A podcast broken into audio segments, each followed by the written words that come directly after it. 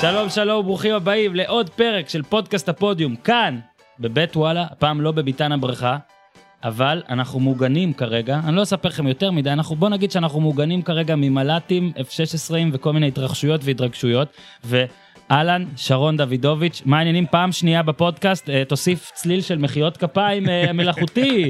אהלן, שרון דוידוביץ'. קודם כל אני מרגיש מוגן. אוקיי. אני מרגיש מוגן, אני מרגיש שאנחנו במקום הכי מוגן בישראל. אה, קודם כל, מה שלומך? מצוין האמת. למה? אה, בגלל שלושה דברים עיקריים אנחנו עושים את השיחה הזאת ביום ראשון בבוקר. מהמם. קודם כל מצוין בגלל דבר ראשון כי כיף לי להיות פה יש. אה, במקום הכי מוגן בישראל ובאחד מוגן. הפודקאסטים הכי טובים שיש. דבר שני. אה, אני מניח שאם הייתי עושה ממוצע כל מאזין שני לפודקאסט הוא משחק בפנטזי כזה או אחר מהמם. כדורסל או כדורגל. אז בכדורסל אני אחרי סוף שבוע שיש לי הבנתי הרמתי את תומאס סאטורנסקי מוושינגטון וג'וש ג'קסון אוקיי. מפיניקס. זאת אומרת אתה אומר בואנה איזה איזה פגיעות ו... צניחת מאזינים נרשמה כרגע. ובדיוק ו... וששמתי אתמול קפטן ב Fantasy Premier League את סרחיו אגוורו. אה, וואו. אז אתה יודע אתה יכול לדבר איתי על הכל אתה יכול אתה יכול לפגוע בי איך שאתה רוצה בשיחה הקרובה שום דבר לא יפגע בי. תשמע, קודם כל, אה, יש לי לפודקאסט מין אה, אה, כבר צוות אה, NBA כזה, שאני שוב, אני צריך לעשות יותר פרקים, והרבה אנשים אמרו וביקשו ויהיה גם. אני רוצה כבר עכשיו להבטיח שהולך להיות הרבה יותר דברים בעצימות גבוהה יותר. אה, רק נספר ש, שירון טלפז נמצא בדאלאס, רציתי לשלב אותו פה, ועידן סגל בנסיבות חיוביות נולדה לו בת. אז מזל טוב לעידן סגל. אה. מזל טוב. שגם הוא בפנטזי והוא הקומישיונר של ליגת הפנטזי ששנינו שותפים בה, אתה כשותף פעיל ואני ואתה כעומרי כשותף שקט. כספי גולדן סטייט של החודש האחרון. כן, אני בערך ככה. ואז אתה, אה, אנחנו נדבר איתך, אה, נדבר קצת על מה שהיה עם הדדליין. כן אבל רק שנגיד לכולם נדבר בגובה העיניים לא לא שמות לא לא ג'וש ג'קסון ותומאס אורנסקי. לא, לא, אה, שוב, כאילו- אתה גם איתי פה, הלו. לא לא לא כן כן אנחנו לא שקט. גם גם אוהדי הכדורגל יוכלו להבין טיפה על על- על אה, כוחות השוק ב-NBA. זהו, אז כי בגלל שאמרת על הגוארו, אז רגע, שוב, נדבר על, על NBA ואז על הספר שלך, שאני מאוד רוצה לדבר, אה, גם על הספר ספציפית, ויש לי פה דברים שרשמתי לעצמי, הסכמות ואי הסכמות, וגם על ספרים בכללי ועל על הוצאה עצמית, כמו שהוצאת את זה, ואותי מעניין לדעת איך זה הולך אה, אה, לעומת הספר שלי והכל איך הולך בזהבי? מבחינת תעשייה, הכל בסדר, ש- נראה לי הוא נוסע, הוא בדרך לתאילנד עכשיו, חי טוב. אה, אז אה, קודם כל רק בגלל שאמרת כבר פנטזי והגוארו אז כאילו רביעייה מה זה כמו בוובי שמספרים אז זה פי שלוש איך זה הולך מה הרביעייה שלו עשתה לך? קפטן זה פי שניים, סבבה? ורביעייה זה יחד עם נקודות בונוס זה 21 נקודות במחזור אחד. עכשיו זה בערך שליש מנקודות של אה, מחזור מצוין. אז יש גם את זה, יש גם דה ברוינה, יש לי עשה שלושה אסיסטים, הבאתי פרננדס מסוונזי שעושה הגנה, יש היום את סאלח ופירמינו, אני משדר אותם, אז בכלל בא לי. שהם יפקיעו. אה רגע וכשאתה משדר אותם אז אתה כאילו קצת רואים את החוסר אובייקטיביות כזה רגע. וסאלח מחמיץ יא אפס. משהו כזה עשיתי פעם אחת שגוורו עשה לפני שלושה שבועות עשה אה, שלושה ושידרתי. שמע אני צרחתי שם כמו מאיר איינשטיין עליו השלום בפארק דה פרנס. וואו, לא לא משהו פחות כזה. לא פחות אה, אתה אתה מאלה שאמרו שסיטי תיקח נכון? אמרתי. סיטי תיקח יונייטד שנייה אה, ארסנל מחוץ לרביעייה גם טוטנאם אמרתי מעניין מה יהיה אבל סיטי אתה יודע, אני, אני, אני חייב להגיד, בגלל שדווקא אצלכם בצ'רלטון יש הרבה שידורי אה, קיבוץ, אם אנחנו כבר מדברים, אני חגיגה. זורק עליך כמה מחשבות, חגיגה חגיגה, נכון, בערוץ הספורט קיבוץ, אצלכם חגיגה, ויש גם בערוץ הספורט נגיד את הליגה הלאומית שזה ביחד, אני לא מצטער, אני לא יודע את השם של זה, שישי, ערו- וש- אה, לא זוכר. קיבוץ לאומי. אני זה- חלש כבר גם בש... אני לא- בזה, אבל אני רוצה להגיד לך משהו ולשאול אותך אם גם אתה מרגיש קצת כמוני, אה, דווקא אתה, כשאתה משדר את זה, אז בטוח אתה לא מרגיש. אני שמתי לב גם עם הרדזון של ה-NFL וגם עם איך שאני צורך עכשיו את ה... ב-NBA ליג פאס, שאני נגיד הילד קם או משהו כזה, אז שלוש בלילה, אז אני פשוט מעביר בין מלא משחקים. נהיה לי קשה מאוד לצרוך משחק שלם, אלא אם כן הוא משחק מדהים, לבד, פשוט משחק שלם. ובגלל זה אני אגיד לך שהליגה הלאומית, שמצטער, הכדורגל שם לא טוב, אני לא כזה אוהב אותו, אבל בשישי אני מוצא את עצמי לפעמים רואה מחצית כזאת ביחד עם ארבעה משחקים ביחד וזה נחמד לי ומאוד קשה לי אגב גם בפוטבול זה המשחק הענף שאני הכי אוהב לצפות בו כשיש משחק שאפילו נגיד איזה סופרבול בסדר אבל שיש משחק אחד שלם קשה לי נראה לי פשוט כיף לי מלא אנחנו ביחד. ב-2018 תחשוב על כל אה, תוכניות הטלוויזיה והסדרות כמה דברים אתה יכול לראות מרותק שעה 90 דקות לא שעתיים יכול. בלי לעשות שום דבר אז היום אה, כל חוויית הצפייה הפכה להיות אתה יודע אתה בסלון של הטוויטר או בסלון של הפייסבוק עם כולם אז אתה רואה ולא רואה אתה כל הזמן בנייד נכון. חגיגה אנגלית חגיג... קודם כל חגיגה אנגלית אה, אני יכול להבין שלפעמים זה בעבר היה אה, פריצות, אבל עכשיו כן. שיש לנו ארבעה ערוצים זה יותר חגיגה, ו- ואת המשחקים של הגדולות כן שמים בדרך כלל בערוצים נפרדים, אז אני יכול להבין למה לאוהדי ארסנל או לאוהדי יונייטד זה אוהד, מפריע כן. להם. אם אתה אוהד, אז זה כן. מפריע שאתה קופץ למקום אחר, אני יכול להבין. אבל כמוצר, אין דבר יותר טוב לחגיגה אנגלית, ואפרופו, אתה יודע, ליגה לאומית וליגה אירופית נגיד, במיוחד בשלב הבתים, יש קבוצות פחות מעניינות, בטח זה לא כמו ליגת אלופות, אבל החגיגה האירופית, זה מושלם לשם, אתה קופץ, יש לך 30-40 כן, שערים. אבל בכלל אני אומר, שוב, זה לא. לא קשור, אני גם לא מנסה פה לפרגן לערוץ כזה או אחר, כי הנה, אני נותן לך דוגמה גם את לא, הליג לא, פאס המוצר, ואת הרד. זון. לא, אני בכלל חושב, ש... ו... ואגב, בכדורגל זה עוד יותר בולט, אנחנו ב... בעידן הזה, קשה לנו עם הרגעים המתים, כי יש לך מה לעשות. אני אתמול נגיד ראיתי את, uh, מה היה בערב? ביתר נגד אשקלון. Uh, אז עזוב שאחרי זה מחצית, 90 שני... מחצית שנייה? היה ממש מעניין, אוקיי? מחצית ראשונה, שבקושי קרו דברים וזה, אני שם לב שאני מרים את הטלפון 50 פעם ב-45 דקות לפחות, וזה כשיש לך עוד אה, שישה משחקים בערוצים לא, מקבילים. ולפעמים לפעמים כשאני במגרש וצריך לכתוב טור על זה, אז גם אני כל כך מתעסק בטוויטר ובזה, ואז בדקה 20 אני אומר, בואנה, כאילו כבר דקה 20 לא וכאילו, ראיתי אני. לא, אני לא מרגיש כל כך מה קרה, אני חייב להתנתק לאיזה 10 דקות, מזל שאתה יודע, אחרי זה אתה יכול לראות תקציר, אתה יכול לראות אחרי זה את המשחק השלם, ו- וכאילו אתה רואה את כל, ה- את כל העצירות האלה, אבל, אבל אני כאילו מרגיש שהיום יותר, דיברת על, אה, אני מתחבר בחזרה לפנטזי, שהפנטזי זו אחלה דרך לעזור לי. להתמודד עם זה שאני כבר משתעמם בקלות יותר מהדברים שאני הכי אוהב אגב. תראה, אני לא אכנס לענייני ליגות, אתה יודע, ולמה נגיד ליגה אנגלית, לדעתי, עוד פעם, לא, זהו, לא שם הכי אני עדיין לא שם, לא, לא אובייקטיבי, אבל נגיד למה יכול לעניין אותי יותר, אה, אתה יודע, אה, אה, ברייטון נגד בורנמוט, או לסטר נגד בורנמוט, מאשר סבילה נגד חטאפה, זה אני לא אכנס לזה. אני דווקא מסכים. אבל תחשוב על, על, על אוהד כדורגל. שיש לו עכשיו בשתיים בצהריים יש עכשיו בורנמוט נגד אדרספילד את מי זה מעניין ברמת העיקרון אבל אם יש לי בלם מבורנמוט ואם יש לי. קשר מאדרספילד אתה רואה אתה בתוך זה כל המשחקים שיש היום גם ה-NBA אה, בפנטזי ו-NBA זה זה העלה את רף העניין בליגות עוד פעם גם לפעמים לכיוונים לא טובים כי אתה מסתכל ב- על או, דברים הנה, אני רוצה להגיד לך, אה, אני קוטע אותך כי אמרת כיוונים לא טובים. אני חולה פוטבול, אוקיי? עכשיו בגלל הפנטזי אני גם מכיר הרבה והכל, לא כמו אנשים כמו למשל יואב סטיין, שהנה אני מזכיר אותו ועכשיו הוא ישמח, אבל ממש אוהב ועוקב והכל, ושמתי לב שבגלל הפנטזי ואיך שנכנסתי לזה, פתאום באמצע העונה אני אפילו לא יודע את המאזנים, כאילו אני, כאילו אני לא יודע איזה קבוצה טובה ואיזה קבוצה פחות, כי אני אכפת לי רק מהשחקנים שלי, אני חי אותם, ש, שאגב, אני חושב שזה זה דווקא מעניין, זאת אני אומרת, לפעמים נכנס בבוקר לראות תוצאות ב-NBA ואני בודק את השחקנים שלי ואז אני עשר דקות אחרי זה רגע מה נגמר שם מה הייתה התוצאה? אתה אפילו לא מסתכל כן.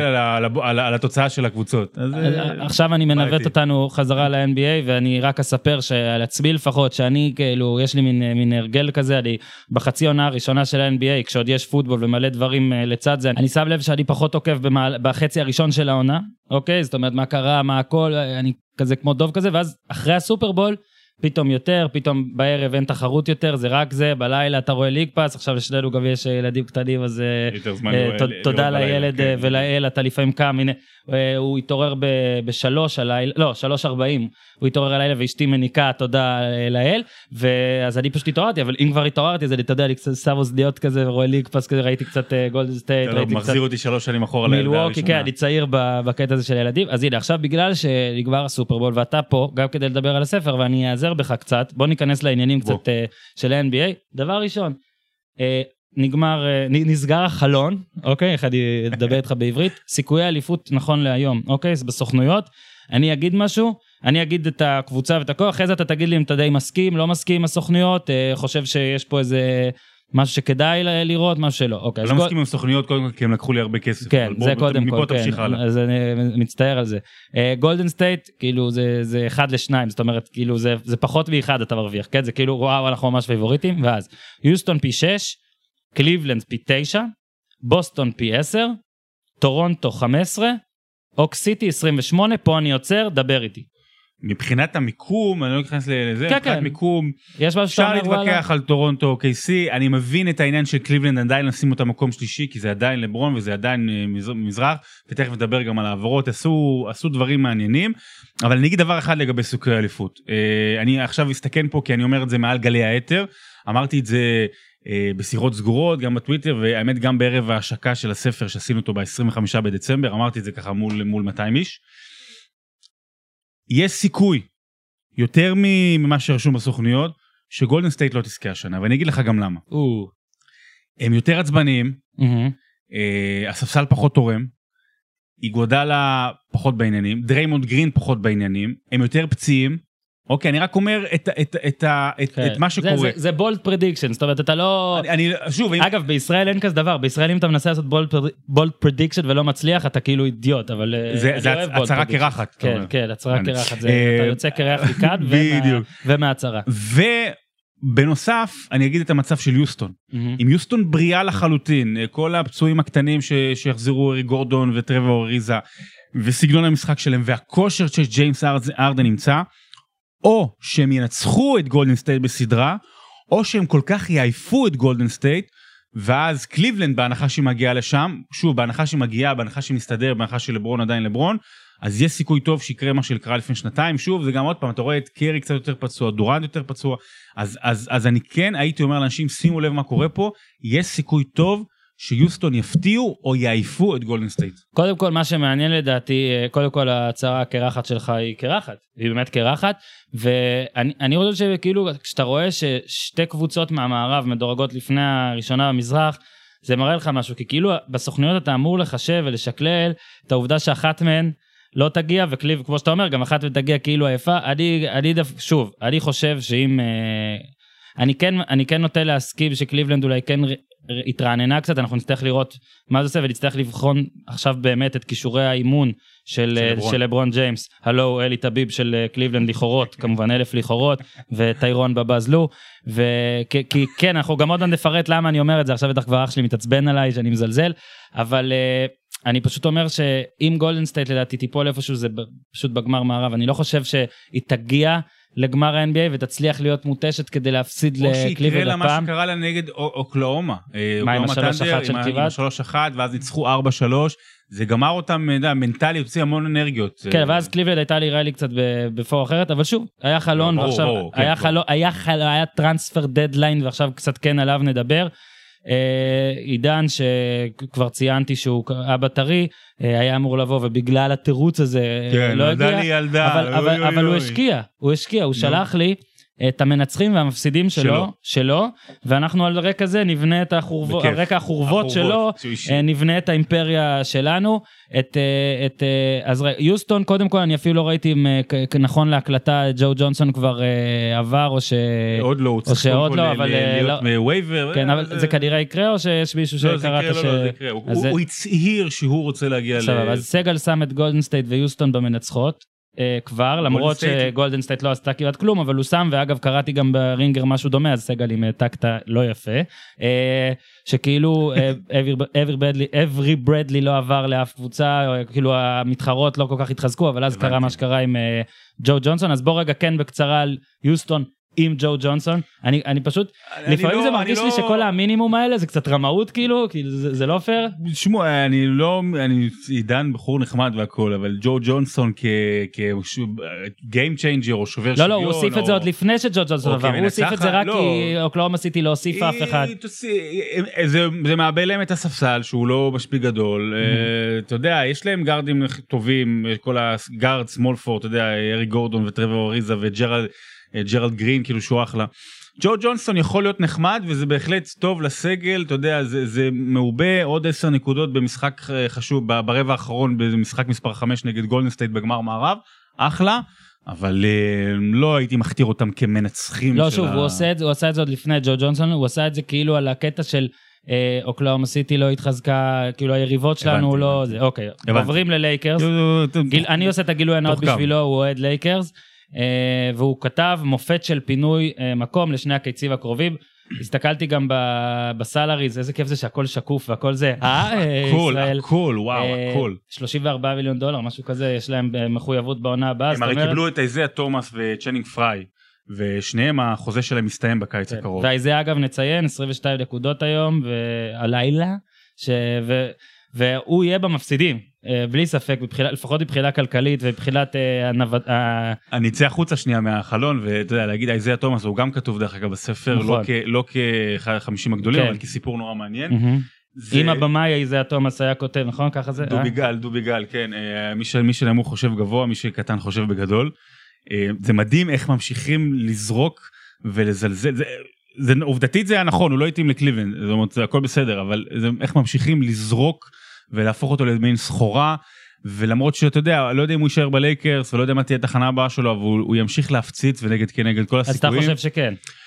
כן, אבל לא ללייקרס, הוא מבחינתו, הוא, זה טוב מאוד שהוא עבר, כי הוא... אה, תשמע, לייקרס ניצחו כי יש להם אפשרות בקיץ הקרוב כבר להביא שני שחקנים בשכר מקסימום. זאת אומרת שהם יכולים להביא את לברון במקסימום ואת פול במקסימום, ולברון גם אם יגידו לו להוריד 3-4 מיליון כדי להביא איזה איזה וטרן טוב, איזה נדיר. הוא יעשה את זה, למרות שהוא כן רוצה בזמן האחרון, מבחינת המעמד, ה prestige, כן. לעשות את המקסימום, לעשות את החוזה הכי יקר בהיסטוריה, דברים כאלה. אה, אז הלייקרס, אני אגיד לך דבר כזה, עד לפני חמישה ימים הייתי אמ- אמרתי שהסיכוי שהוא יעבור ללייקרס בקיץ הקרוב הוא אפסי עד שלושה אחוז. למה? כי אין סיכוי שלברון בגיל 33 וחצי יעבור למקום אחר שאינו אופטימלי כן. לז- לזכייה באליפות, אגב, אוקיי? ועם כל לב- הכבוד לכל הצעירים, אם ובטח למצב במערב, אם לברון הם זוכים, הם אה, לא? הם- לא, שם, עם זה הצעירים. היום לא, אבל אם לא, הם- גם עם פול ג'ורג'. אני הם- גם חושב שפול ג'ורג' דרך אגב הוא overrated, אבל אולי שחקן אחר במקסימום, אבל אני רק אומר שהסיכויים עלו מ-0 עד 3 אחוזים ל-20 עד 30 אחוזים. אני קראתי, לדעתי זה רמ- רמונה שלבון, אתה יודע, חשוב לתת את הקרדיט גם לאמריקאים שמאזינים לנו, אז רמונה, מרק סטיין. בשביל המאזין לך מרק. סטיין גם, אה, כתבה שנראה שהם כן חושבים יותר על 2019 מאשר על 2018, משהו כזה, ו-2019 אם אני לא טועה זה קוואי, ועוד כמה חבר'ה מהקליי. כן, כן, יש דיבור מעניינים.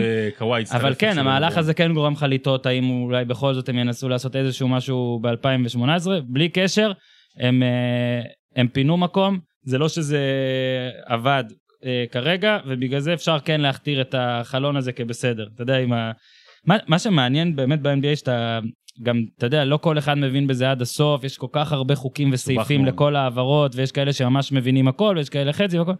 העניין שהכסף כל כך משפיע על כל הטריידים האלה ועל העובדה שאתה אתה נגיד אה, רוצה לזרוק מישהו עם כסף אז אתה מצרף אליו איזה שחקן טוב או איזה בחירה כאילו לפעמים אתה כאילו ה trade כולו הוא מהצד שלך והכל איך שהכסף משפיע נתנו דוגמה של ג'ו ג'ונסון שכאילו כל החבר'ה האלה במינימום שתמיד רוצים להידבק לקבוצות שיש להם סיכוי. תראה איזה יופי אבל, דרך אגב, אני אגיד משהו לגבי הכסף, שני דברים. אחד, הטירוף שהיה בקיץ האחרון ולפניו, אה, לדעתי, אם רואים את המגמות והכל הולך קצת להירגע מבחינת החוזים. נרגע ראית את לו וויליאמס. נכון, בדיוק, בדיוק. זה לו וויליאמס זה הדוגמה, זה הולך להירגע בקיץ הקרוב והבא, אה, דברים הולכים להתאזן, וזה העניין עם גולדן סטייט, שהיא ניצלה בצורה אופטימלית את העניין של דורנט דורנט. ואיך גדל, באמת, מדהים מה שהם עשו שם, וזה הולך להירגע.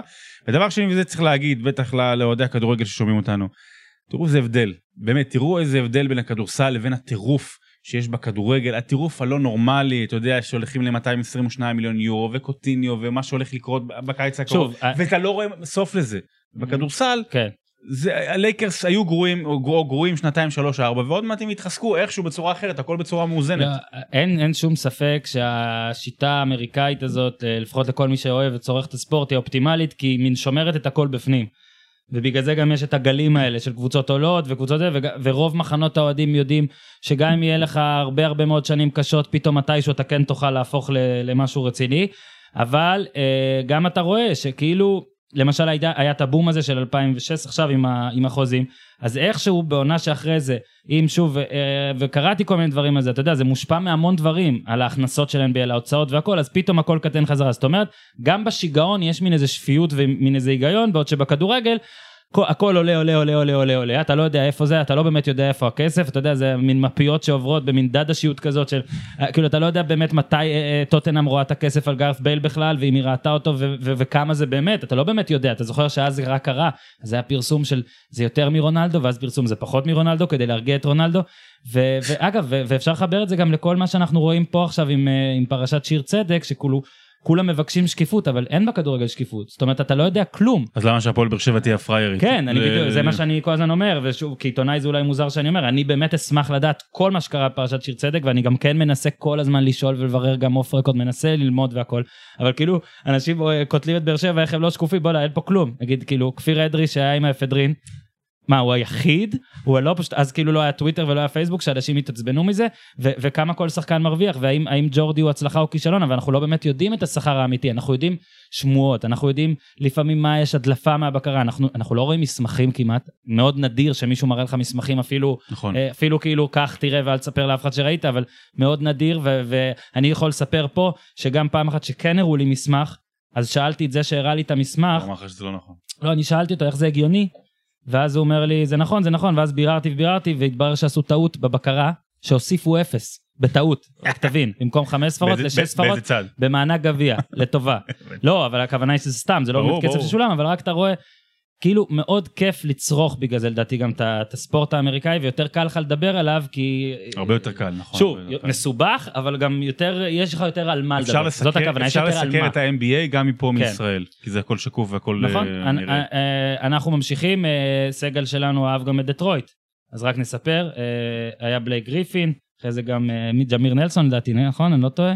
אה, ואז סגל גם אהב את דטרויט, אתה רוצה להגיב לדטרויט אולי על בלייק גריפין משהו? בלייק גריפין, אה, אחד האובררייטדים הכי גדולים של העשור זהו, האחרון. זכרתי שאתה לא מת על לא, הבחור. שמע, אני זוכר, אתה יודע, אני זוכר את ההתלהבות האדירה, הבאמת יוצאת אה, מגדר הרגיל שהייתה ממנו בעונה, בעונת הרוקי שלו. הוא עשה מספרים יפים, והוא התעופף, והוא התעופף על מכוניות, והיו אנשים שכתבו, אנשים שאני מכבד, חלק שאני גם לא מכבד, שכתבו שהוא יכול להיות אה, מייקל ג'ורדן של הליגה, לא במובן של מייקל ג'ורדן, אבל במובן ההשפעה והפנים של הליגה והכל. והוא הפך להיות אה, שחקן טוב של מספרים, אבל לא מנהיג ולא איש קלאץ', ושיפר את המשחק שלו. הוא, הוא כרגע לדעתי האיש השני הכי חשוב בדטרויט אחרי אנדרה דרמונד אה, ודטרויט כיף לראות אותם השנה והם משתפרים. והוא גם כן ייתן לו, כאילו, הוא כן ממלא אולמות, זאת אומרת, באים לראות ברור, אותו. זה כן, באים זה- לראות אותו. נכון כיף הוא אוהדים הכל אורחים גם. והכל. נכון אה, אבל אה, אתה יודע אני להגיד לך שזה יוביל אותם בעוד שנתיים שלוש לאיזה גמר מזרח שוב פעם קודם לא לא אני מעדיף בן וואלאס מאשר בלייק גריפין עם האפרו דטרויט. אז כן, אבל אני, אני רוצה להגיד, הנה עוד אלמנט פה, הקטע של הטריידים, ובגלל זה אני כל פעם שאומרים לי, יש trade אה, בין אה, קריית שמונה לזה, אני אומר, כמעט ואין טריידים בכדורגל, השחקן צריך להסכים. אז אה, זה מה שגם מעניין, עזוב שאת כמות המיליונים שלו והכל, אני, אני נוטה לחשוב שמגורים בלוס אנג'לס, כן. היה יותר כיף לבחור, כן אבל הוא- בדטרויט. הוא עשה את לא, זה אבל בסדר. הוא גם נראה לי שהבין, גם הוא, הוא לפחות נראה על פניו, כאילו במצב רוח חיובי מהעניין, זה לא שהוא כי נראה... הקליפ- אה, אה, אנחנו בדיוק, כי נדבר על המפסידים תכף זהו, אז כי נדבר על מקצועית, והנה הקליפרס. ככה אני מתחבר, מקצועית לקליפרס. נראה, אתה יודע, הם, הם באמת פיצצו את העסק והכל, אבל כאילו... זה העניין שלו, תכף נגיע לזה. לא, פיצ- תגיד, הם- פשוט- כן. בוא נ- המפסידים מבחינתי, הם הראשיים, זה קליפרס, כי הם פוצצו את העסק, אבל בוא נגיד ככה. אז כמו אצטדיון שמנסים לפוצץ אותו והוא לא, לא מתפוצץ עד הסוף, זה מה שקרה לקליפרס ב- ב- בחלון העברות, או בכלל החצי שנה האחרונה. אוקיי, אמרו אנחנו צריכים לשנות אה, דפוס, ללכת למקום, לבנות הכל מחדש. וכמובן שאומרים הכל מחדש, אז הנשיא כדורסל והמאמן, הוא, יפ, הוא יפנה את כולם, אבל את הבן שלו הוא ישיר, אוסטין ריברס, שזה באמת אה, תעלומה. זה אדיר, כאילו. זה- זה באמת ב-NBA כן, דיברנו כן. על ההבדלים בין NBA כן. לכדורגל ישראלי הנה הוא משאיר את הבן שלו והוא כוכב וגם כולם עוזבים אבל הוא וזה שהם לא הצליחו להעביר את דיאדר ג'ורדן ולהשיג עליו משהו כשהוא בשיא קריירה עם כל ה...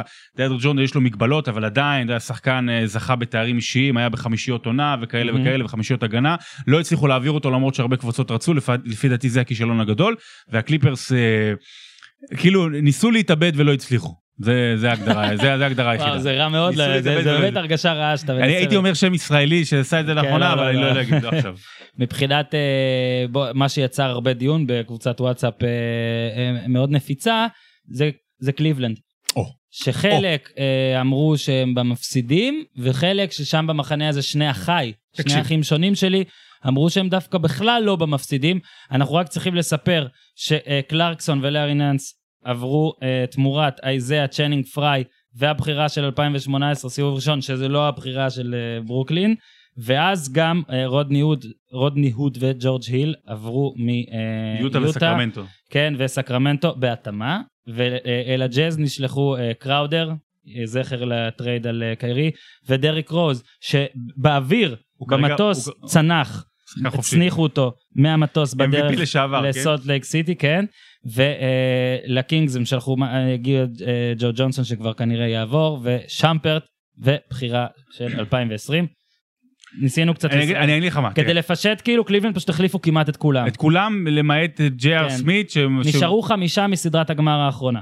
קורבר, ג'י.אר סמית, כן, לא משנה. לברון ו- והחבר'ה. כן. תקשיב, בסופו של דבר אנחנו פה, אה, אנחנו אוהבים לדבר ואנחנו אוהבים לנתח ואנחנו מהמרים, כמו בולד פרדיק שאנחנו מהמרים. אה, בסופו של דבר טריידים אה, נמדדים לפחות לאורך תקופה של חצי שנה ושנה קדימה, מהמם. לפחות. אז בדיעבד, קליבלנד היא המפסידה הגדולה, כי בדיעבד הטרייד על, על קיירי, כן, בדיוק. שרצה נורא ללכת ולא זה, היה כישלון חרוץ. כן, כאילו הם קיבלו על קיירי את קלרקסון את נאנס. ונאנס לא קלרקסון ונאנס בסופו של דבר כאילו על קיירי דרך אגב אה, אה, מי המנצח הכי נדבר על זה עוד מעט מי המנצח הכי גדול של החלון העברות הוא אמר יוסטון דני איינג'. בוסטון בוסטון ותכף נדבר על זה אבל קליבלנד. אה, כישלון טוטאלי לא כי הם לא הביאו שחקנים טובים הם כי לא הביאו שחקנים מתאימים לברון בעונת ההגנה הכי גרועה שלו בקריירה לעומת עונת, עונת ההתקפה אולי הכי מדהימה אבל עונת ההגנה הכי גרועה בקריירה. והוסיפו לזה את איזיה תומאס וג'יי קראודר לא התאקלם ובאמת עשו מישמש שלא התאים. אבל למה בעיקרון היא כן מנצחת ואני אגיד לך למה שתי סיבות.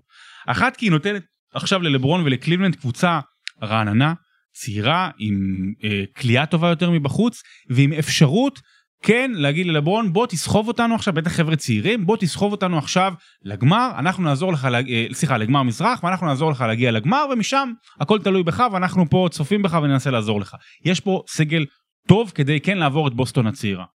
והדבר השני הכי חשוב זה הזיכרון הנוראי שיש לה מיולי 2010. ביולי 2010 הם בטוחים שלברון יישאר הם, הם מאמינים הנה הילד שלנו יישאר אנחנו נעשה הכל כאילו לא משנה אבל לא נעשה כלום אנחנו לא נעשה כלום נעשה כדי הכל להשאיר ולא נעשה אותו וזה כלום יצליח. וכל האוהבים הרי מה יהרגו אותו אם הוא לא אם הוא לא והוא עבר והם נשארו עם מנדבושקס ביד מהמם. הם, הם, הם, הם הפכו מקבוצה של אה, הכי טובה במזרח אם אני לא טועה או השנייה הכי טובה בליגה משהו כזה לקבוצת ה, ה, לקבוצה הכי גרועה בליגה אתה זוכר היא הייתה הקבוצה כן. הכי גרועה בליגה מהמאזן הכי גרוע בליגה. והיא לא רוצה לחזור לדבר הזה.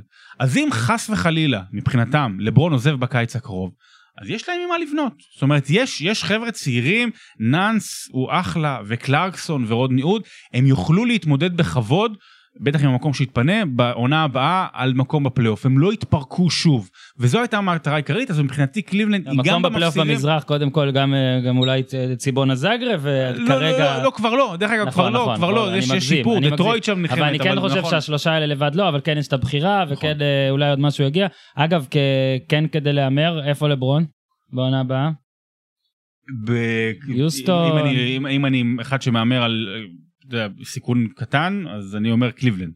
כן אתה חושב ומבחינתי זה קליבלנד 60 אחוז, לייקרס 20 אחוז, אמ, אה, 19 אחוז כל קבוצה אחרת ואחוז אחד שהוא פורש.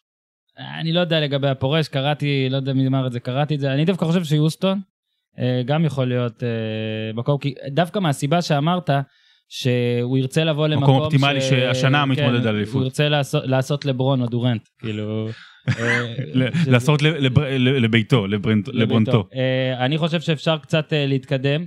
אה, סיכמנו את הקצת אה, דברים שהיו כן. לנו חשובים בדדליין, אבל אני רוצה קצת להתקדם לדדליין של, דדליין ההופכי של 1992, נכון? אני כן, צודק? כן. שזה היה הדדליין בעצם, ההתחלה, זה היה הלייבליין. של שמשם התחלת הספר נבחרת החלומות החמישים הגדולים אה, 50 שחקני NBA הגדולים בדור האחרון הגדרתם את זה כדור אגב היית פה כבר אה, בפודקאסט שלי ודיברנו קצת על הספר עוד במהלך היצירה שלו. אם אנחנו קצת חוזרים אין מה לעשות חבר'ה אתם מאזינים בחינם תתמודדו אני בטוח אני שמי ששכח בספק ואני- גדול אם מישהו בכלל זוכר וגם וזה- אז זה עוד היה בשלב ההכנה, זה היה מדי. בשלב ההכנה. אה, קודם כל אז אה, כמה שאלות אה, לוגיסטיות ונצלול אה, לבפנים למה דווקא 92 איך בכלל הרעיון בה כן אני אני אני כבר כי בגלל שאני עוזר לך לקדם את הספרים שלך אני שוב אחזור ואקדם את. שלי אז אה, לא אז חוץ מהספר של זהבי בשנה שעברה גם יצא ספר על 100 הגדולים בכדורגל זה כן אה, זה כן מזכיר ואני מאוד אוהב דירוגים ואני גם אז אמרתי אה, רציתי שגם המאה אולי יהיו מדורגים ויהיו זה העבירו לי שעדיף לא להסתבך עם זה אני. מאוד שמחתי שאתה כן דירקת אני אוהב את זה כי גם זה נותן לך המון מה להתווכח וגם אם יש המון אה, ביקורות עוד מעט ניגע בזה גם אה, לדעתי זה קצת יותר זה מוסיף מוסיף פה איזה ממד אז בוא תספר לא, איך הרעיון ולמה 92.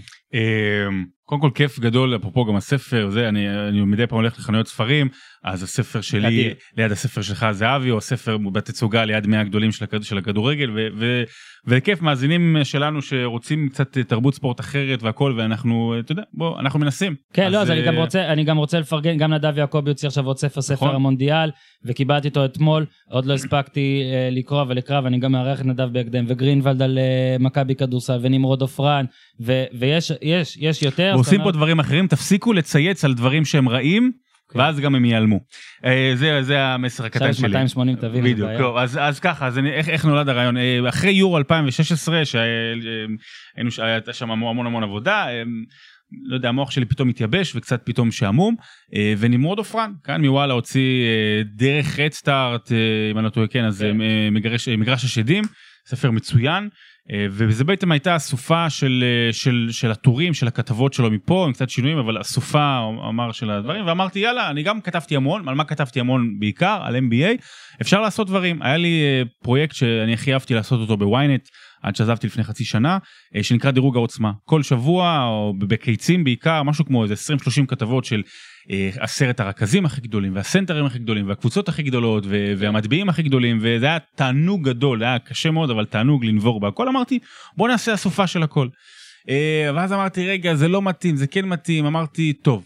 קראתי לא מזמן את הספר של ביל סימונס, אה, Basketball, Basketball. כן, Book of Basketball, כן, רק שזה שם 1,400 עמודים. כן, וזה ההוצאה, זה המהדורה הקצרה. אה, ושם הוא עשה 100 הכי גדולים בכל הזמנים, ספר נכון. שיצא בשנת 2009. אמרתי בוא נעשה, פירמידה. בוא נעשה 100 הכי גדולים בכל הזמנים. אז אמרתי רגע מה כל הזמנים אה, כאילו אה, זה זה מה אני עכשיו אכתוב על על בוב פטיט ו- ועל ו- ו- אתה ועל גם לא דולשה- אמריקאי, גם לא ראית. וגם ה- ויקיפדיה יש לכם הכל בסדר כאילו זה לא לא יישמע אמין. ואז אמרתי בוא נעשה בדור האחרון ואז אמרתי 100 זה יותר מדי בוא נעשה 50. וזה היה 2016 ודור הגדרה של דור דרך אגב זה 25 שנה זאת אומרת בהגדרה המילולית אה, דור זה 25 שנה אז בגלל זה גם היה לי חשוב להוציא את הספר ב2017 נורא כן. מיהרנו. אז יצא ב2017 דור ויצא מצב ש-1992 דרך אגב זה גם בכדורגל ככה אבל בכדורסל זה אולי השנה הכי חשובה אי פעם כי שלושה דברים חשובים קרו שם קודם כל מג'יק וברד פרשו זה אומר שנגמר ה- אלה שהצילו את הכדורסל עזבו פינו את הבמה והם פינו את הבמה באופן מוחלט וסופי למייקל ג'ורדן שבאותה שנה זוכה באליפות ב-MVP ב-MVP גמר ובמדליית זהב אולימפית הראשון שעושה את זה אי פעם זאת אומרת באופן רשמי. והדבר השלישי זה הדרימטים. והדבר השלישי זה הדרימטים. והדרימטים. כן, והדרימטים, נבחרת החלומות, אה, שהיא נבחרת למי שבמקרה לא יודע או לא מבין את המשמעות שלה, לא רק שהיא שינתה את הכדורסל, ולא רק שהיא הפכה את האולימפיאדת ברצלונה כנראה לאולימפיאדת האולימפיאדה הכי טובה בכל הזמנים, היא שינתה את הספורט, היא שינתה את הדרך שבה אנחנו צורכים ספורט, היא שינתה את תרבות הספורט הפופולרית, עד כדי כך. תן דוגמה, תן תן כל, כל העניין שמאותו רגע, אה, בטח בכדורסל וגם בדברים האחרים, זה הפך להיות עניין של כוכבות. אוקיי. שאתה מעריץ, זאת אומרת של, של איך, איך אתה יודע, הם, הם הסתובבו בברצלונה, זה היה כמו, אני מתאר את זה כמו מייקל ג'וקס, ג'קסון של נבחרת כדורסל, צרחות, וזה זה דברים שלא היה לפני זה בספורט. ושם נקודת ההתחלה של הספר שלנו, וגם שם זה בעצם, אה, חוץ מככה כמה מבואים ודברים כאלה, זה הסיפור הראשון שם בספר הוא על נבחרת החלומות. זה גם באמת, היא גם באמת הייתה אז דרימטים, אוקיי? ניסו כל הזמן מאז, אין יותר כאילו, דרימטים דרך אגב. כל הזמן, אה, לפחות בישראל, כאילו קראו לנבחרת האמריקאית בכדורסל באולימפיאדות הדרימטים. וזה תמיד שיגע אותי, כי כאילו, זה לא שנבחרת ארה"ב היא תמיד דרימטים, אלא הנבחרת הספציפית ההיא הייתה דרימטים, אז סבבה, היו איזה שתי נבחרות דרך אגב, 96 כדורסל הייתה טובה יותר, לכו ל- לרשימה תבינו, מהמם. אבל דרימטים כנבחרת חלומות, באמת, כי לא, גם שם היה את כולם. למה היא שינתה את הכדורסל? למה היא שינתה את ההיסטוריה? היא הפכה, היא במו, כמעט במו ידיה הפכה את הכדורסל למושג גלובלי. זו הייתה הפעם הראשונה ששחקני NBA הגיעו והופיעו לאירופה ולמדינות כן. ולבשות אחרות בשמונה, תשע בערב, שבע בערב, מול העיניים, כשזה לא בעיניים לא, טרוטות. ואז גם ראית את ההבדל, את ה-90 הפרש על אנגולה, ו- ושכל, אה, מה היה שם מול אה, כל. נבחרת. אה, אני לא רוצה ש... אני לא רוצה לחשוף יותר מדי מהדירוג, נכון? כאילו, אבל בוא... בוא... אני אגיד לך מה יש בספר ואיך זה עובד בערך. כן, אז קודם כל יש בספר אה, אלה ש... קודם כל כמה ראויים לאזכור, נכון. שדרזן פטרוביץ' שהוא יש לו מרכיב עיקרי בדור האחרון אבל הוא לא נכנס, ועומרי כספי שיש לו מרכיב עיקרי באהבה שלנו ל-NBA ב-25 האחרונות, ועוד כמה נחמדים שאנחנו כן. אוהבים לכתוב עליהם. אה, ואז יש את הדירוג של 50 הכי גדולים, לכל אחד יש תעודת זהות, לכל אחד יש טור בין 450 ל-700-800 מילה, אחרי זה יש הסבר למה הוא כאן, למה הוא בדירוג ולמה הוא במקום הזה ספציפי.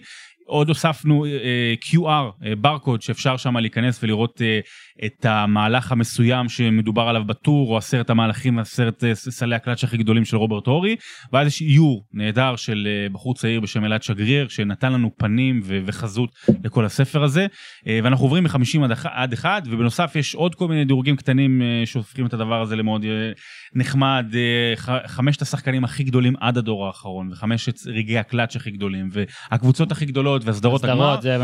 ספר דירוגים אבל בעצם זה ספר של סיפורים אז בוא, כן, וזה גם משהו שאהבתי, שאמרת, אתה לא רוצה לעשות את זה ויקיפדיה, אז, אה, אז אתם על כל אה, גיבור בעצם, על כל אחד, אתם כותבים מין איזה שלושה, ארבעה. חמישה עמודים, כן, זה, וזה, וזה אהבתי, עוד מעט אני אספר מה שספציפית מאוד אהבתי את איך שעשיתם. אה, דירוגים אנחנו לא יכולים יותר מדי להגיד, אז בוא אני רגע, כי אתה כן רוצה שאנשים אה, יקנו יכול להגיד מי וילמדו. מבפנים, כן. אבל לא, אני רוצה לשאול אותך ככה, בוא נראה, מי נגיד הדירוג, אם אפשר לחשוב, שחטפתם עליו הכי הרבה אש, אין, אין? אין בכלל שאלה, זה גם לפני וגם אחרי אה, סוגיית קובי בריינט. אוקיי, מעולה. קובי בריינט מול לברון ג'יימס, אבל קובי בריינט לבד.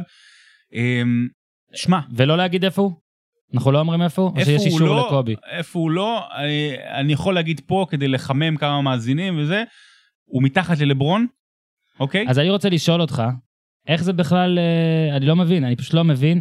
אני, בוא אני אגיד לך ככה, אולי זאת איזה בעיה ישראלית כזאת, כי אה, אנחנו מדברים פה על קבוצות וואטסאפ פחות, יש לי קבוצת וואטסאפ אה, עם כל מיני חברים מהצבא עוד שהיו לי, אוקיי? וזו קבוצת וואטסאפ של, אה, של אוהדי כדורגל, אה, שכל אחד שם חוץ ממני שרוף על אה, קבוצה, ו... והיה איזה, איזה, איזה דיון עלה, כשלדעתי, מה, מה הדבר האחרון עם קובי, שהוא, אה, שתלו את שתי הגופיות שלו? אה, כאילו, היה שם מריבה ענקית שכולם שם כמעט טענו שהוא מקום שני בכל הזמנים, מקום שני בכל הזמנים, ואני לא, אני גם הסתמכתי מאוד, אני תמיד מסתמך על אנשים שאני מעריך והכל גם כותבים אמריקאים, ואתה רואה שם שהוא לא הכי top- גבוה לא הוא 10. שביעי, הכי כן. גבוה. הוא לפעמים גם לא top אני אומר, לפעמים לא top 10, הכי גבוה שראיתי אותו זה שביעי או שישי, אוקיי? לא, ואז אתה אומר, הוא שני אצל כולם, ועכשיו אני, אני אה, אחד, ואני גם, אה, אני לא חושב שצריך פה, שזה ספוילר פה להגיד את האחד-שתיים שלכם, אבל מי שיבין יבין, לפחות מאחד. אני חושב שאחד אצלכם זה ברור, אוקיי? ואני, אה, שוב, אני לא צריך פה להסתיר, אני פשוט לא, לא, אף פעם גם לא כל כך הבנתי את, ה, את הדיון לברון ג'ורדן עד הסוף, אוקיי? אבל אני מוסיף שאני לגמרי לא מבין איפה בכלל יכול להיות פה התלבטות. זאת אומרת, יש הרבה דברים שאני לא אוהב בלברון ג'יימס, אוקיי? גם אגב עכשיו, איך שהקבוצה שלו נראית, ושקבוצה שלו מתפרקת בינואר, זה דברים שאצל ג'ורדן לא קורים, כי ג'ורדן פשוט ניצח, כן, היו לו אולי יריבות יותר קלות, הכל פייר, הכל זה, אבל לא יודע, היה לו מין את הפאסון. את הפאסון הזה של כאילו, בוא'נה, אין, אין לי מספר 2 אפילו. וקובי, לעומת לברון, את קובי באופן אישי אני אוהב. אוהב לראות, אוהב את איך, אהבתי את איך שהוא משחק, אוהב את הבד, את הרע בו אני אוהב. ועדיין, אני לא חושב שאפשר, כאילו, אני לא חושב שיש פה מקום להשוואה, אני לא חושב ש...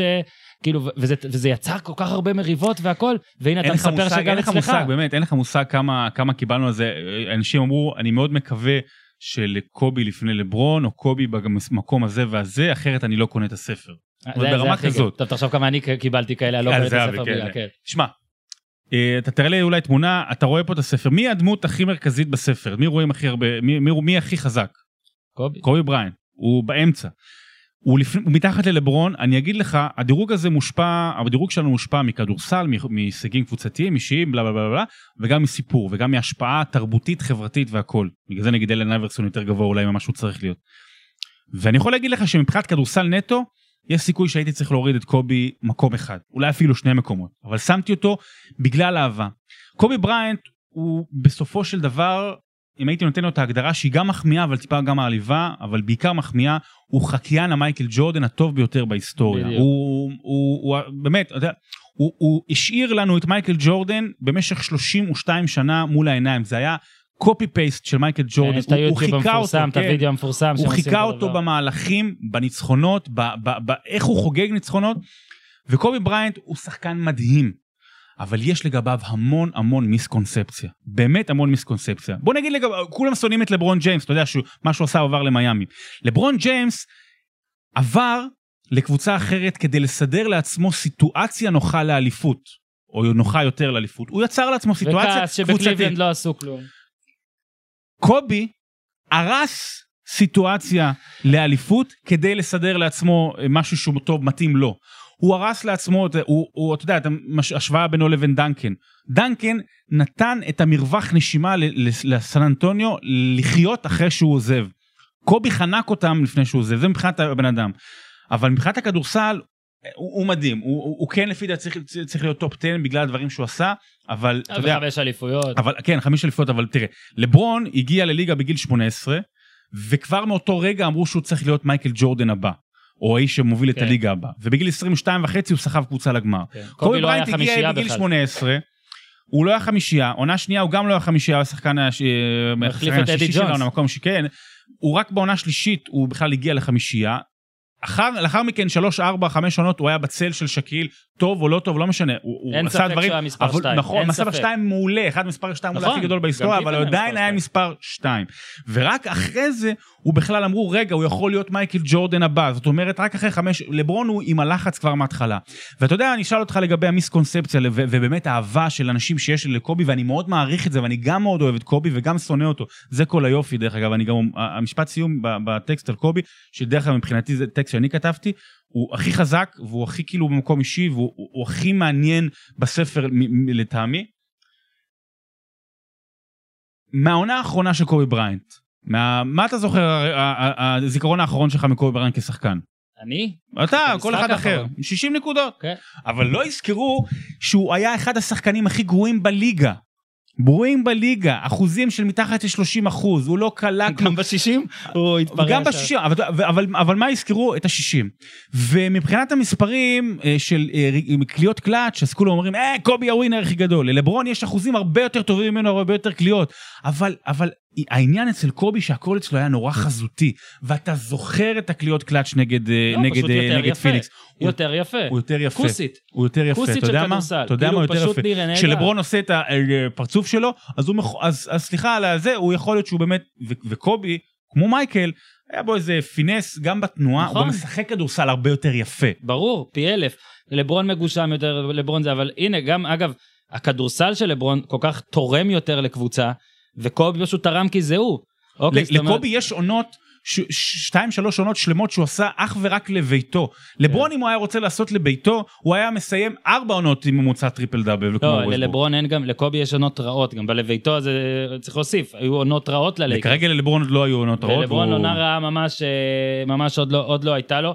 אה, בגלל זה אני, שוב, אני איך שקיבלתי את הספר, נראה לי כבר עבר שלושה דבר. ראשון הלכת לראות... רציתי אה, לראות את זה כי זה היה בשיא הוויכוח ובשיא הזה ואני אומר לך שבשביל למען הקבוצה הזאת גם שאלתי כל מיני אנשים כזה וצילמתי להם מסך כל מיני עיתונאים כל מיני זה אף אחד לא אמר וכל כך זה עצבן אותם ואני באמת חושב שכמו שאמרת איך שגם צרכו פה אה, כדורסל בישראל כאילו בטח שידרו את הלייקרס יותר מכל קבוצה אחרת וקובי אתה יודע זה והוא פשוט באמת כל כך היה יפה לראות אותו אני אגב שוב אומר מבחינה אישית זה אפילו לא קרוב אני אוהב את אה, קובי הרבה יותר מאשר אה, מה שאני מרגיש אה, ללברון. אבל כי... אתה, אתה מצליח לנתק את הרגש שלך מהאובייקטיביות של כדורסל ואחרים שאני לא, לא, לא יודע, חלק אולי טיפה פחות שוב, מבינים נגיד. ו... אני אבל- כן אז- יכול אז להגיד, כן, אני אה, כן יכול להגיד שאולי יש נסיבות אה, מקלות, שליליות, כאילו, זאת אומרת שאולי ההתנהגות שלו והפרשיות שהיו מחוץ לכדורסל, אולי כמה עיתונאים באמריקה התעצבנו על זה, אולי הוא ירד כמה מקומות, לא אפרופו זה, יודע. דרך אגב, אתה יודע, אנשים... גם זה הוא סיים יודע, בסדר, הוא, כן, הוא, יחסית. אוקיי, הוא, יש מצב שהוא אנס מישהי, אנחנו לא סגורים על זה. לכאורה. אה, הוא, הוא בגד באשתו בוודאות, וזה, וזה, ומייקל נגיד היה עם הימורים והכל, לברון, אתה יכול להגיד עליו הרבה דברים. הוא לא, לפחות לא יודעים. אם הוא עושה משהו לא יודעים, אתה- הכי נקי שיש, לא, הכוכב הוא- הכי נקי. הכי נקי, הוא באמת כן. הכי נקי, והוא הוא גם, הוא, הוא פילנטרופ, אתה יודע, הוא פתח עכשיו בית ספר כאילו ל... ל, ל על, לא יודע, משהו, לא, שוב, אם הוא. עושה דברים אנחנו לא יודעים, אבל ובעידן אנחנו הזה כל זה כך מדהים. שונאים אותו, אנחנו, אנש, כחברה, זה, אנחנו שונאים אותו, זה, אתה יודע למה אנחנו שונאים אותו? הוא כי אנחנו. מפחדים ממנו. יכול להיות. כי אני אגיד לך למה. אני חושב אנחנו שאנחנו מפחדים, אני אוהבים אגיד לך, כי שלמות אנחנו מפחדים, אנחנו מפחדים שיש סיכוי אמיתי שאולי הוא יעבור את מייקל ג'ורדן, ואז יפגע לנו באלוהים. אני ואתה חילונים, ואנחנו שנינו אוהבי כדורסל. אני לא יודע, אני כותב למייקל ג'ורדן, אין לי אלוהים, אני לא, סליחה, אני חילוני, אני לא יודע אם יש דבר כזה שנקרא אלוהים, אבל אני יודע שיש דבר כזה שנקרא מייקל ג'ורדן. אז אמרת, סיגרת את הדברים שלך לגבי מייקל או לברון. מייקל עדיין שחקן הרבה יותר טוב, מייקל יש 6 מ-6 בגמרים, הכל טוב ויפה. אבל עכשיו, כשאנחנו נמצאים ב-2018, זו פעם ראשונה בהיסטוריה שאפשר לפתוח את הדיון, לא אמרתי שהתשובה תהיה אחרת, אבל את הדיון, לברון או מייקל. אז אני אומר שהדיון הזה, אה, וגם אה, באמת חשבתי ככה, שהוא לא, לא, לא צריך להיות דיון, ואז אחרי 2016 אמרתי, טוב, בוא, בוא, בוא לא נסגור את הדיון לגמרי, כי כן, שוב, גם בסופו של דבר, זה להתווכח את הוויכוחים האלה, זה הרבה מאוד, כמו שאתה אומר, אה, להתווכח על באמת דתיים, חילונים, שמאל, ימין, דברים כאלה. מעט מאוד פעמים אתה תדבר עם מישהו, ואז בסוף יגיד, אה, סבבה, אני אצביע מרץ, אתה צודק. אז ככה זה מעט מאוד, אה, וואי, טוב, יודע מה, כן, לברון יותר טוב לאנשים מקובי, הרבה אתה יותר צודק. חשוב איזה שחקן כדורסל זה לא משנה, יש, יש, יותר לא. אבל אני אומר, ברוב הדברים בחיים, נכון. אנשים, בעיקר היום, לא משתכנעים, ובטח שם כל אחד יכול להגיד מה הוא רוצה בפייסבוק, טוויטר, וזה קשה אני אתה יודע, גם בדיונים הנוראים האלה, על דברים שאנחנו לא אוהבים, אני יכול להגיד לך, כמה פעמים אתה רואה בסוף, וואלה, אתה צודק. אנשים שכתבו לי על קובי, אה, תיזהר איזה מקום אתה שם אותו, אחרי שקראו את הספר, או לברון, מישהו כתב לי, אה, גרמת לי לשנוא פחות את לברון ולאהוב אותך פחות, כן. אבל, אבל עדיין למרות המיקום, כאילו, אנחנו כאילו אוהבים את, ה, אז את בוא אני היצירה. אגיד, אני, אני אמשיך, אני אגיד שב-2016 אחרי מה שעשה והביא באמת את האליפות לקליבלנד, אוקיי, אז אמרתי סבבה, כי הרי מה, למה הובל- הובלתי את הדיון ל- לכמו שמאל וימין והכל? מי שאומר שג'ורדן הוא הכי, אה, זה משתמש בשש משש, לא הפסיד אף פעם, ואז אתה אומר, אבל לברון הגיע ליותר גמרים. אוקיי, אבל לברון הפסיד יותר.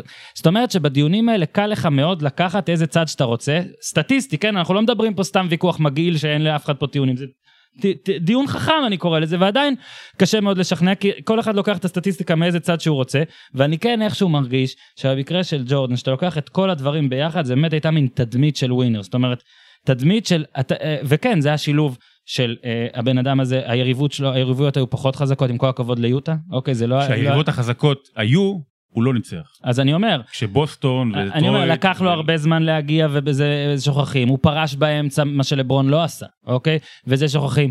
ועדיין, איכשהו אני לא מצליח, ובטח עכשיו אחרי מה שקורה קצת בעונה הזאת, ואיכשהו, איך ש- שיותר מדי קבוצות שלו, וזה שקיירי ברח, וכאילו כל מיני דברים, איכשהו כן לי מרגיש שאין פה, אין פה באמת, כשזה קצת, הדיון הצטמצם טיפה, ואגב, והרבה גם, הרבה גם, אה, אתה שם לב שהדיון הזה טיפה דעך אחרי העוד הפסד אה, בגמר שלו, והפסד אה, די משפיל, זאת אומרת, וזה כבר פעם שלישית שהוא מפסיד בגמר בצורה לא משהו רק- אפשר להגיד. זה צריך להגיד שרק פעם אחת בקריירה שלו, מתוך שמונה גמרים, אה, לברון הפסיד לקבוצה שהוא היה צריך לנצח, שזה דאלאס ב-2011. כן, נכון.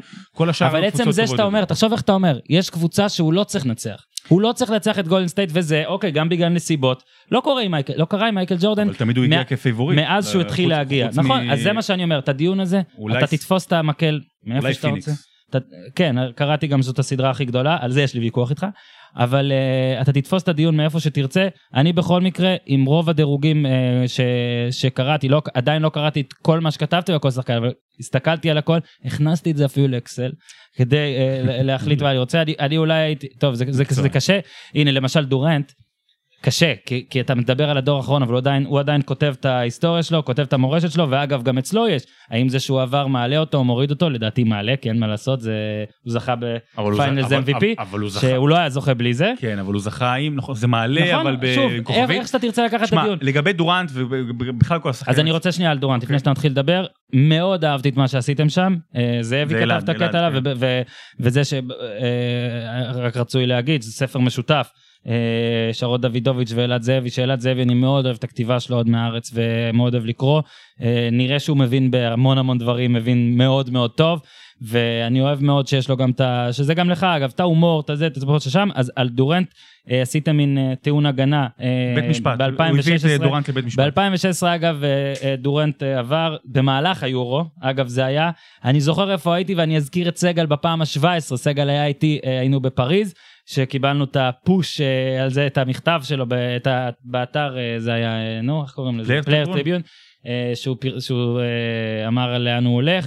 ומיד מיד סגל שנא אותו ומאז יש כזה מין דיון כזה על אה, האם זה היה טוב האם זה הרע גם את זה אפשר לקחת לכל כיוון אז אתם עשיתם משפט שזה במשפט יש את צל"ש טרש. שראשי תיבות אני לא זוכר נגד אה, לא זה נגד דבא לא צל"ש נגד כן, דבא דבא, אה, כן, be דבא. hater משהו כן. don't be hater משהו כזה אה, זאבי עשה עולם הדימויים של אלעד. וזה. באמת היה יפה אני גם אוהב שיש שינויים ניסיתי גם בספר שלי כל פעם נגיד אחרי איזה שלושה פרקים יותר מדי שנראים אותו דבר לתת את זה משהו ששובר וזה באמת שבר אהבתי מאוד את ה...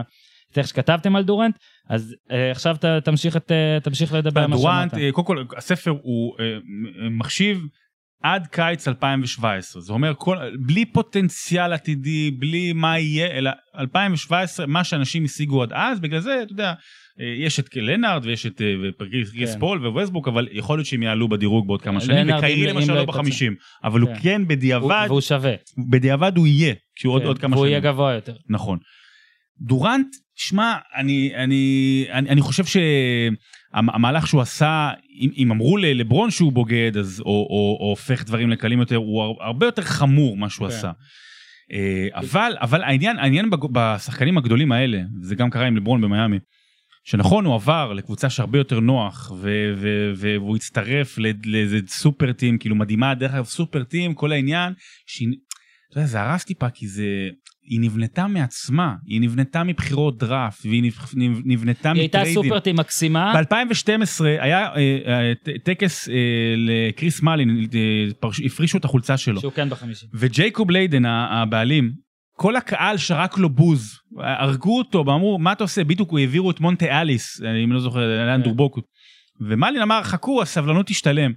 והם הפכו לקבוצה מדהימה ופתאום דור, וכולם חושבים שדורנט הגיע אז, אז משהו שם לא הוגן אבל גם זה הוגן כי הוא הגיע בתנאים נכונים אבל דורנט עצמו הוא לדעתי אחד מעשרת שחקני ההתקפה הכי גדולים בכל הזמנים מה שהוא עושה בשנתיים האחרונות בהגנה זה מדהים השיפור מוביל שלו בבלוקים עדיין. בבלוקים וגם התרומה שלו זה מדהים הוא לא היה יצור כזה הוא יצור. בתולדות הליגה לא היה יצור כזה מבחינה התקפית כן. בתולדות הוא גם יצור, הליגה. אה, מבחינת אופי. אבל להגיד לך תשמע הוא צריך לזכות בשלוש ארבע חמש אליפויות עם הגולדן סטייט הזו כדי למשל לעבור את לברון. שוב, זה גם לדעתי רחוק, והנה כבר התחילו השנה, אתה יודע, בכל התוכניות האלה ש... שכמונו מנסות ליצור רייטינג, אז אה, היה כבר. דיונים, האם הוא השחקן הטוב בליגה והכל. אגב, לפני שנתיים סטף קרי הוכתר על ידי כולם, כי לפחות רגע, באופן רגעי, אה, מספר אחד אה, לא מעורב. יש הבדל בין המושג כן, השחקן הכי טוב לבין ה-MVP זה שני דברים לא, אחרים. וגם הכי טוב עכשיו, בכושר הכי טוב ודברים כאלה. אני מסכים שדורנט יצטרך לעשות הרבה, אבל אגב, דורנט בעיניי יותר קרוב לקובי מבחינת כיף להסתכל עליו. כי אה, לברון זה מגושם וזה, עם מסירות אדירות, זה כן. אבל אה, אז, אז באמת נראה איך ההיסטוריה תשפוט את אה, דורנט. אגב, באמת ההבדל הוא שהוא עבר לקבוצה שכרגע זכתה אליפות, הוא עבר לסופרטים, לברון יצר. נכון, סופרטים, נכון, נכון. הוא עבר לסופרטים, נכון. ובגלל זה זה כאילו אנשים אה, אה, שופטים את זה אה, קצת אחרת. אה, מאוד אהבתי שנוביצקי מדורג יפה. אוקיי, יפה, זה, אה, זה, זה, זה, לדעתי- זה שחקן שהוא הוא- הוא והקים זה השחקנים יותר שאני הגנה, הכי אוהב. קצת- אה, אה, היה- אני יכול הלו, להגיד, אה, אני יכול להגיד, נוביצקי- מקום אה, שמיני, כן. אוקיי? וכרמלון מקום שביעי. ו- והיה דיון באמת לגבי נוביצקי או מלון, וההגנה אה, שמה את אה, מלון מקום שישי. אני לוקח. אני לוקח את המקום השמיני שלך אה, נוביצקי לעומת המקום השביעי שלך מלון שלא הצליח לזכות. ולדעתי הזכייה של נוביצקי ואני עכשיו מהראש אז אני אולי שוכח וזה ואני אומר את זה מהבחינה האישית שלי. אה, אני לא אוהד דאלאס ולא שום דבר אני הפכתי להיות מין אוהד נוביצקי ברבות הימים והשני התחלתי יוסטון רוקטס ואני טרמפיסט בכל הענפים אז ככה אני פשוט יצור דוחה וזה היה רגע רגע הספורט הניטרלי לכאורה הכי מרגש בעיניי הכי מרגש שלי כי זה היה שילוב, אתה מבין? נגיד לסטר היה מדהים, אנדרדוג מדהים, אבל אני לא, אני לא קרוב לשם, יופי, הסיפור של ג'יימי ורדי היה אחלה. נוביצקי ישב לי בראש כאילו אני הוא, מה שקרה ב-2006, שב-2-0 החטיא את העונשין ואז אה, הפסידו את אה, האליפות 4-2. ואיך שהוא נראה ו- והכל.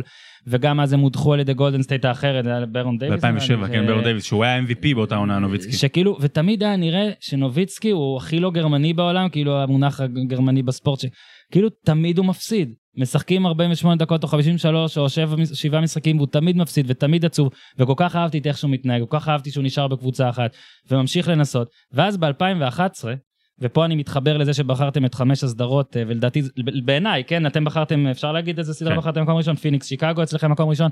בעיניי זאת הסדרה שהייתה צריכה להיות בעיניי אה, מקום ראשון או 2016 אבל 2011 בעיניי זאת הייתה הסדרה אה, דאלאס מיאמי הכי מרגשת שהיה בה, בה את הכל. נוביצקי שבחיים לא הצליח דווקא הצליח בעונה של לברון כמו ב-WWE הפך להיות רע. טובים נגד הרעים, אוקיי, ברור. זה היה הכי הטובים נגד הרעים שהם גם צחקו עליו על המחלה שהוא היה חולה באחד המשחקים נוביצקי אה, והם כאילו עשו הם הובילו שיעולים. 2-1, ואז הם יוצאים מחדר ההלבשה לכיוון האימון לברון ודוויין וייד. ועשו כאילו כמו השיעול שלו שיש סטייל מאיר טפירו, כן.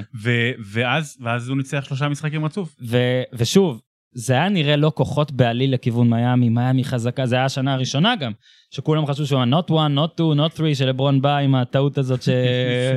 שהוא התפרק עליה כן. פעמיים, ו...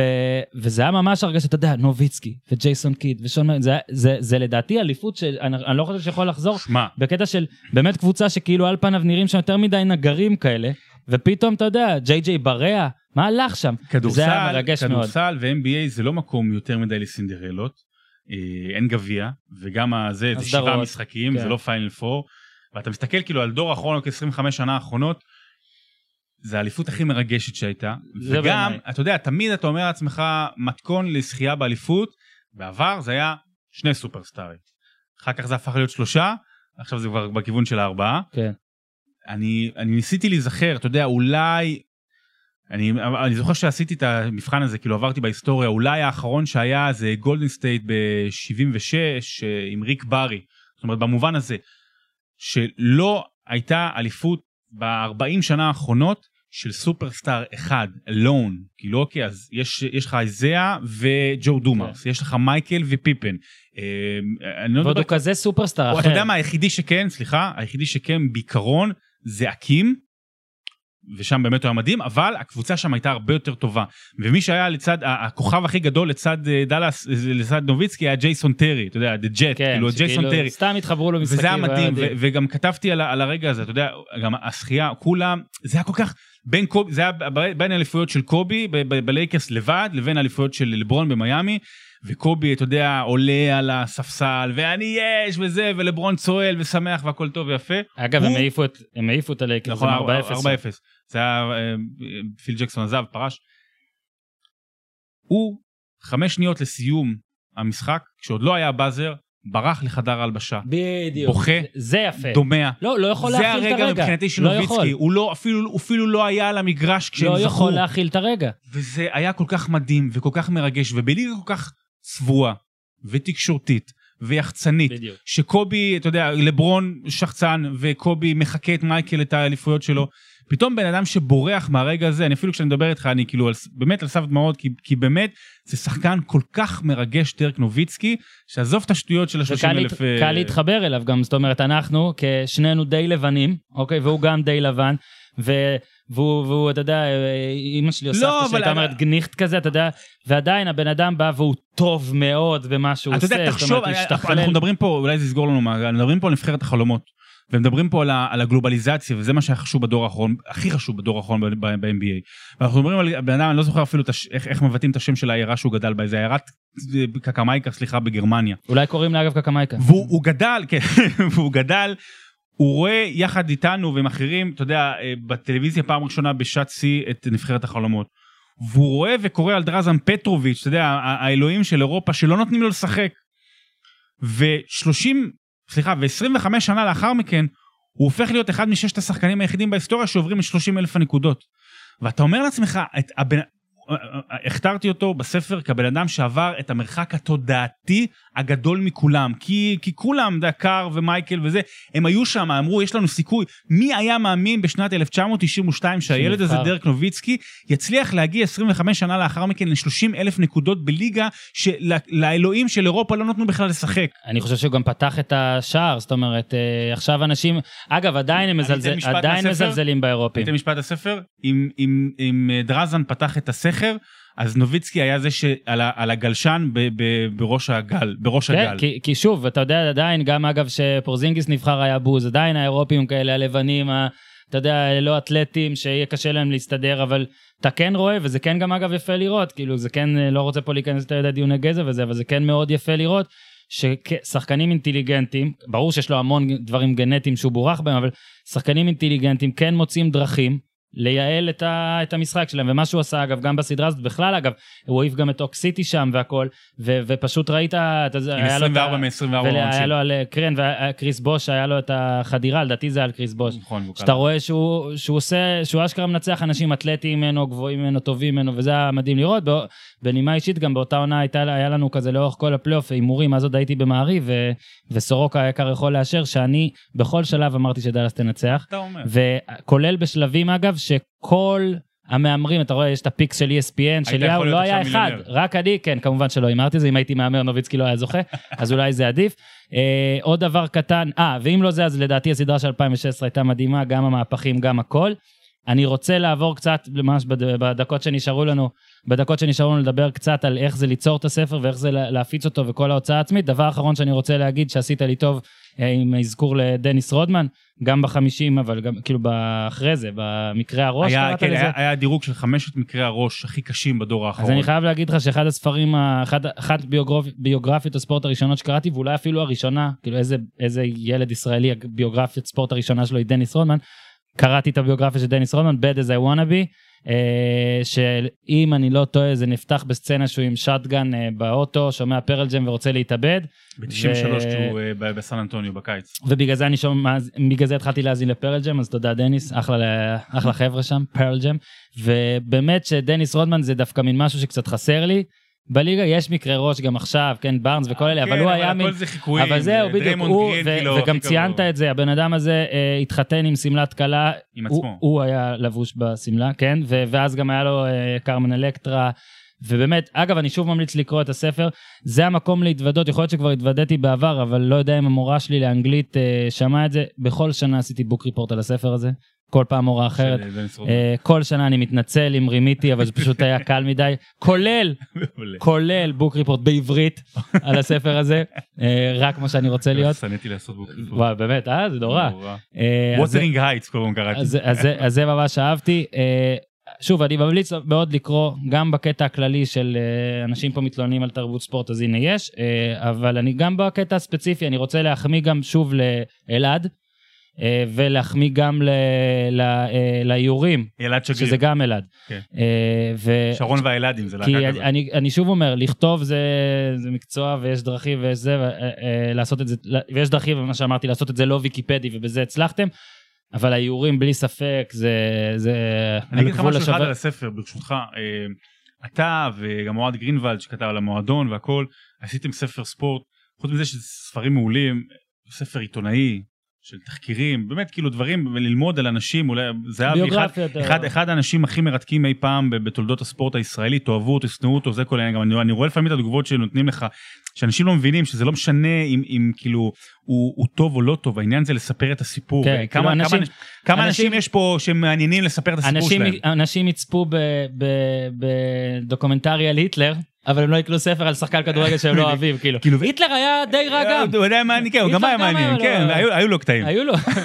אבל, מעניין. אבל הקטע בספר הזה שאנחנו באנו אני באתי ממקום של ספר קליל ספר בגובה העיניים אני קורא לו בגאווה ספר שירותים זה ספר שאתם נכנסים איתו כן. פנימה שמים שנייה את הנייד בצד או שתיקחו איתכם אני אגיד לכם למה לקחת אתם קוראים פרק שניים משהו קליל מאוד אתם יכולים לראות בסוף כל אחד יש סרטון כזה עליו ובגלל זה הנייד אבל אבל באמת ספר שאתה לא אתה לא קומיטד אתה לא מתחייב אליו זאת אומרת אתה רוצה כן. אתה גומר אותו ביום אתה לא רוצה אתה בעידן מדי פעם עובר. שהתחלנו את הפרק ככה, עידן שקשה מאוד. קשה מאוד. הנה אני גם אומר כאחד שהוציא ספר אה, ש- כאילו יצאתי יצא, אה, גם מהגדולים יוצא אבל אני מדבר על הספר של זהבי שזה כן ספר ביוגרפיה אה, שוב ניסיתי שהיא תהיה די קלילה אבל זה לא זה ספר שצריך לקרוא ולסיים. אתה לא יכול זה חביב, אז אני אתה אומר- הספר הראשון שקראתי מאז הבוק ריפורט. תודה אני לא- רבה. אני לא- אני לא- אני לא קורא ספרים. אז הנה אז כ- כ- כזה- כאחד שכתב ספר אני יכול להגיד שקשה לי מאוד לקרוא ספרים כי אם אני לא בחופשה אני לא מצליח אה, להגיע לנקודה הזאת אז זה ספר זה מהגדולים והספר שלך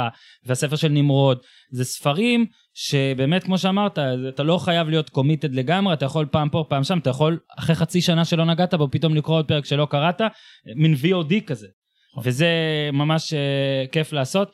מה שרציתי אה, כן לשאול אה, מבחינת ההפצה אה, העצמית קצת, אם אתה יכול כן. לספר על התהליך אה, בקצרה, כי, כי אצלי למשל אה, ב- בספר על זהבי שהוצאתי בהוצאת ידיעות, אז אני כאילו כתבתי ועברתי וכל העריכה והמון, ועשיתי המון, אבל כל ענייני ההפצה, הדפסה, הכל, זה הם.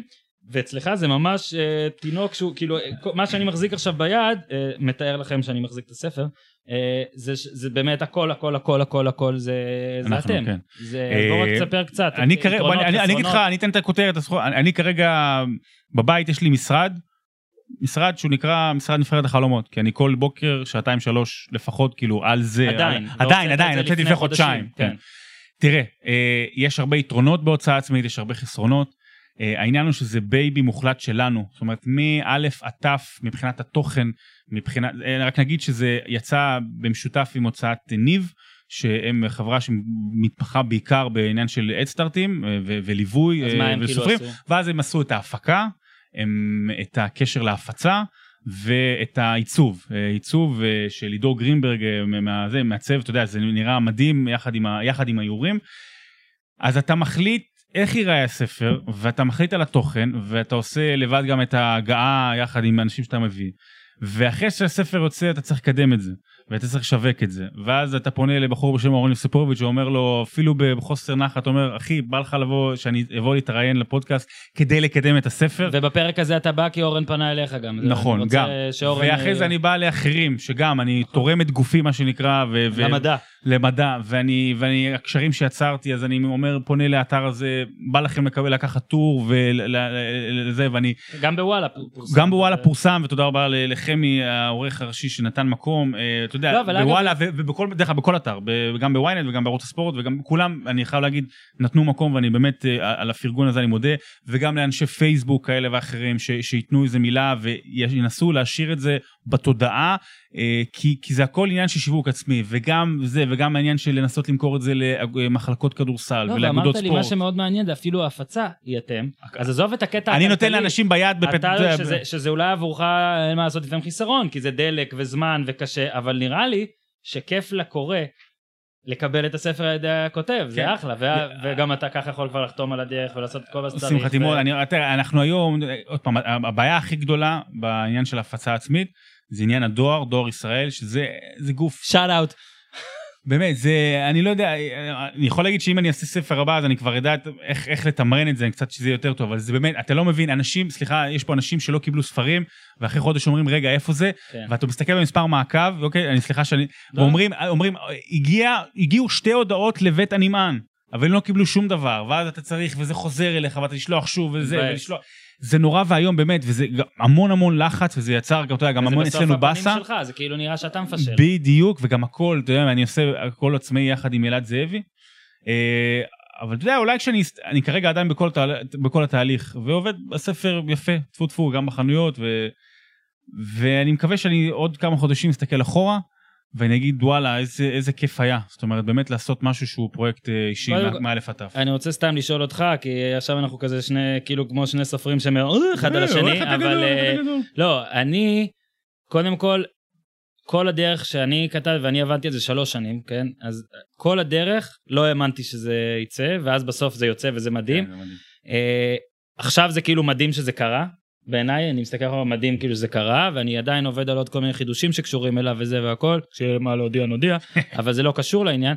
הרגע שעבורי היה הכי מגניב עבורי, זה, זה כשטסתי לחו"ל בפעם הראשונה אחרי שהספר יצא, וראיתי את הספר בחנות ספרים בנתב"ג. זהו, זה היה... כי נכון. שוב, אני התחלתי להגיד, אני קורא ספרים כשאני בחופש, קשה לי מאוד לקרוא אה, שאני לא בחופש, וכשאני בחופש אני תמיד בדרך, בחנות ספרים אה, של אה, נתב"ג, בסטימצקי אני...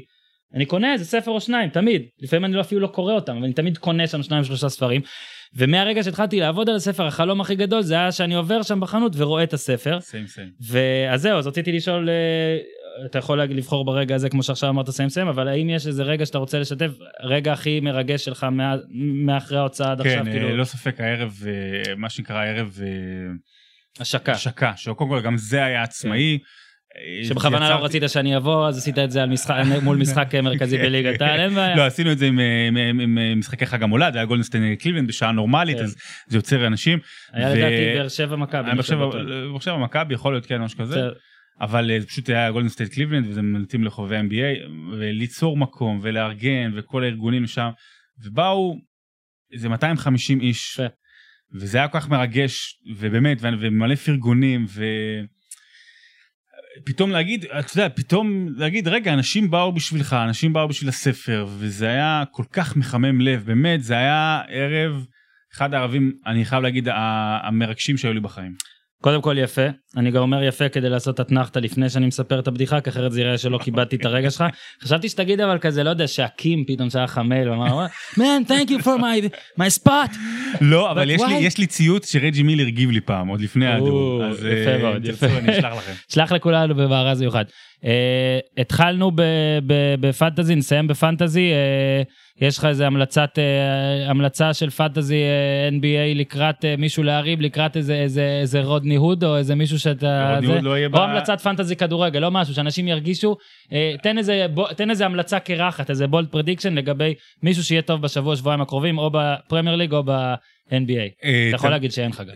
לא, ב-NBA תביאו את אה, סטורנסקי מוושינגטון, אוקיי? התחלנו לא, לא, התחלנו בסטורנסקי ונסיים בסטורנסקי, באמת אה, אש? ובפרמייר ליג, למרות שיש לכם את הגוורו, אם יש לכם את הגוורו, ולהרבה מאוד אנשים יש, תמכרו. אוקיי, כי. ז'זוס תכף חוזר, יש ליגת אלופות, תמכרו, תביאו את קיין או מישהו או דברים אחרים יותר יקרים. אני מאוד מאוד נהניתי. אני גם. אה, אני- אם יש לך מה להוסיף... אה, רק נגיד אה, שהספר אה, נמצא כן, בחנויות, זהו, תגיד. ובלינק רכישה, אולי אתה תשים את זה גם בפוסט שלך, גם אצלי, אה, שניתן לשליחה, ממש מסירה תקנו אולי אפילו ספרים, אישית. חבר'ה, אה, תקנו כן. ספרים. אני רוצה שאנשים יגידו שהם קנו ספרים. אני לא רוצה פה בעיות משמעת, אני לא רוצה שתחשבו שכל הפרק הזה היה כזה כדי שיהיה לכם כיף. מה פתאום? תקנו את הספר, תקנו את. כל הספרים. כל- כל הספרים שציינו, בדיוק, כן. תקנו, כי אנחנו, שרון יש ואני... לי שניים שלך דרך אגב בבית, אני לא יודע אם אתה יודע, תודה רבה, כן. כתבת לי שהגיע בטעות, יפה שלא מכרת אותו.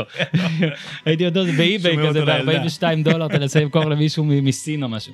אה, עד כאן להפעם, אה, נארח אותך עוד, אה. שרון, תמיד כיף והכל. אה, עד כאן להפעם, בהצלחה לכל מי שרוצה, בהצלחתו, וזהו, עד כאן, תעשו טוב, ביי ביי.